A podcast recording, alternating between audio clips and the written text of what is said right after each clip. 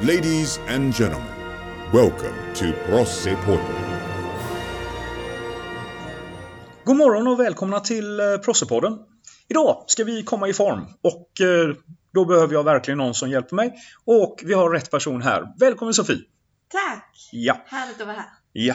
För det är ju så att eh, det slår ju en här att en av de stora förändringarna med distansundervisning är ju att eh, Eh, det är väldigt mycket som, eh, om man säger begränsas, försvåras eller till och med försvinner när det gäller hur man rör på sig.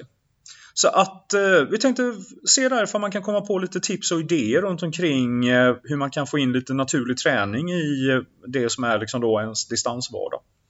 Så vi kan öppna upp väldigt så här, jag vet att du har pratat med elever om det här innan, att eh, vad, vad kan man tänka på när det gäller att hålla sig i form när man då är hemma med distansundervisning? Ja, eh, det finns ju många tips och eh, jag försöker ju också förmedla dem via eh, lektionerna nu ju. Mm. Som ser lite annorlunda ut när man får göra yoga framför skärmen eller vad det nu är. Men som du säger så försvinner ju även vardagsmotionen som de Mm. brukar ha ju.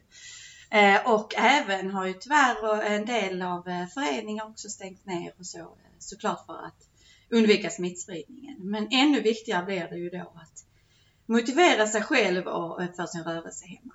Mm. Och definitivt eh, det viktigaste är väl att komma ut ehm, med eh, fysisk rörelse och gå eller springa eller hitta på aktiviteter ute. Så man inte fastnar eh, hemma. Eh, Och sen finns det ju eh, olika tips man kan ta del av på nätet också. Det finns jättemycket där de lägger ut eh, olika program och, liknande också. Mm. Och vi har ju haft det nu eh, till exempel där vi plockar fram golvmoppen. Där man kan jobba med olika rörelser för rörlighet och för styrka och man får helt enkelt använda sin fantasi. Mm. Men än mer viktigare såklart att komma upp, motivera sig och komma ut. Ofta där kommer rörelsen också. Ja. Nu kommer massvis med eh, frågor från, på en tämligen grundläggande nivå för att eh, jag har inget val här. Men Nej. om man tänker, som jag ser det så att eh, när man är hemma eh, så har man kanske ett val mellan då det som skulle kunna vara intensivträning, att man kör pass liksom då under kanske bara ett par minuter. Det finns väl den här japanska träningsmetoden Tabata, den här verkligen intensivträning. Och sen tänker man liksom att man kanske sätter av ett längre pass och kanske liksom går ut eller springer eller cyklar på det här. Och då är frågan, vilken utav de här, är det någon av dem man kan säga någonting speciellt om här? Att eh, Ska man blanda dem eller ska man fokusera på en av de här formerna nu när man är hemma? Eh, alltså definitivt skulle jag säga att blanda, alltså utnyttja både det man kan göra hemma och eh, det man kan göra ute ju, eh, Mm. i olika. Men det handlar ju om lite att få upp sin puls. Ja, Och det är ju ofta det de här passen är inriktade för. Att vi måste ju få en pulshöjning som Mm. stärker vår kropp. Eh, som vi mår bättre av. Så de här små intensiva passen blandat med själva liksom, välbefinnandet av att komma ut i Mm. längre rörelse. Det skulle jag säga är det bästa just nu. ja. Och ett ord som vi kommer tillbaka till som väldigt många har pratat när vi har haft de här poddarna, det är ju rutiner. Mm. Att det är, det ett plus till exempel ifall man liksom då lägger en, här, klockan tre varje dag om det till exempel är att man har haft sina sista lektioner, att precis vid den tiden kör jag ett intensivt pass. Ja, ehm, det brukar det vara. Rutiner att bygga upp efter det brukar vara. Vissa känner ju att morgonträningen det är det bästa innan Mm. jag, jag kommer ut till lektionerna. Då sätter man det i rutin och andra vill efter.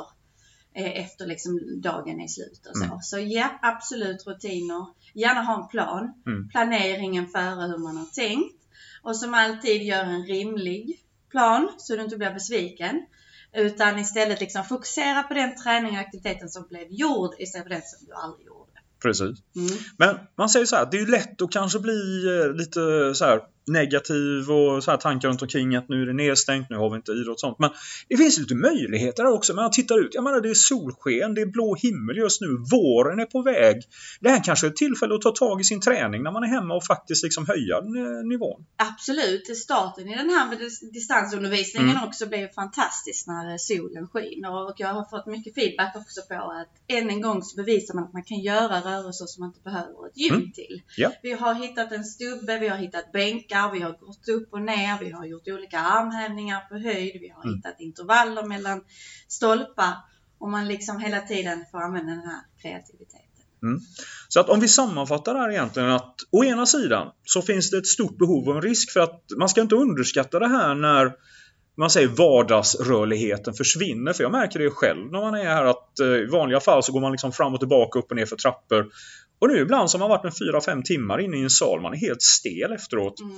Om man tänker att det kan vara samma sak när man till exempel då läser på distans, om man ligger ner i en soffa kanske liksom då timme ut och timme in reser sig, går till köket och sen följer man nästa lektion. Så att det finns ett stort behov. Och samtidigt så finns det väldigt stora möjligheter, precis som du sa, liksom då, att man kan träna hemma och man kan också nu gå ut och börja röra på sig. Så att slutresultatet kan ju nästan bli bättre ifall man bara gör det rätt. Ja, men det är faktiskt så att eh, man, man får en annan motivation, kan det bli till det. Och sen får man inte glömma den här lilla rörelsen av att Sitter du med, sitter du annorlunda, mm. sitter du i sängen, sitter, hur gör du med din kropp? Att det ger väldigt mycket att bara göra några få övningar för rörligheten eh, som man också då ska känna sig nöjd med. Ja. Så vi kan säga så här, distansundervisning är en chans till bättre träning och hälsa. ja, ja, kanske. Kanske. Nej. Vi får väl se. så, är, så är det. Ja, ja. absolut i alla fall en eh, grym start. En grym start. Som kan, kan bygga någonting vidare sen. Mm. Det är vårt budskap. Yes. Jättetack för att du var här Sofie. Ja, tack ja. så mycket för att jag fick vara här.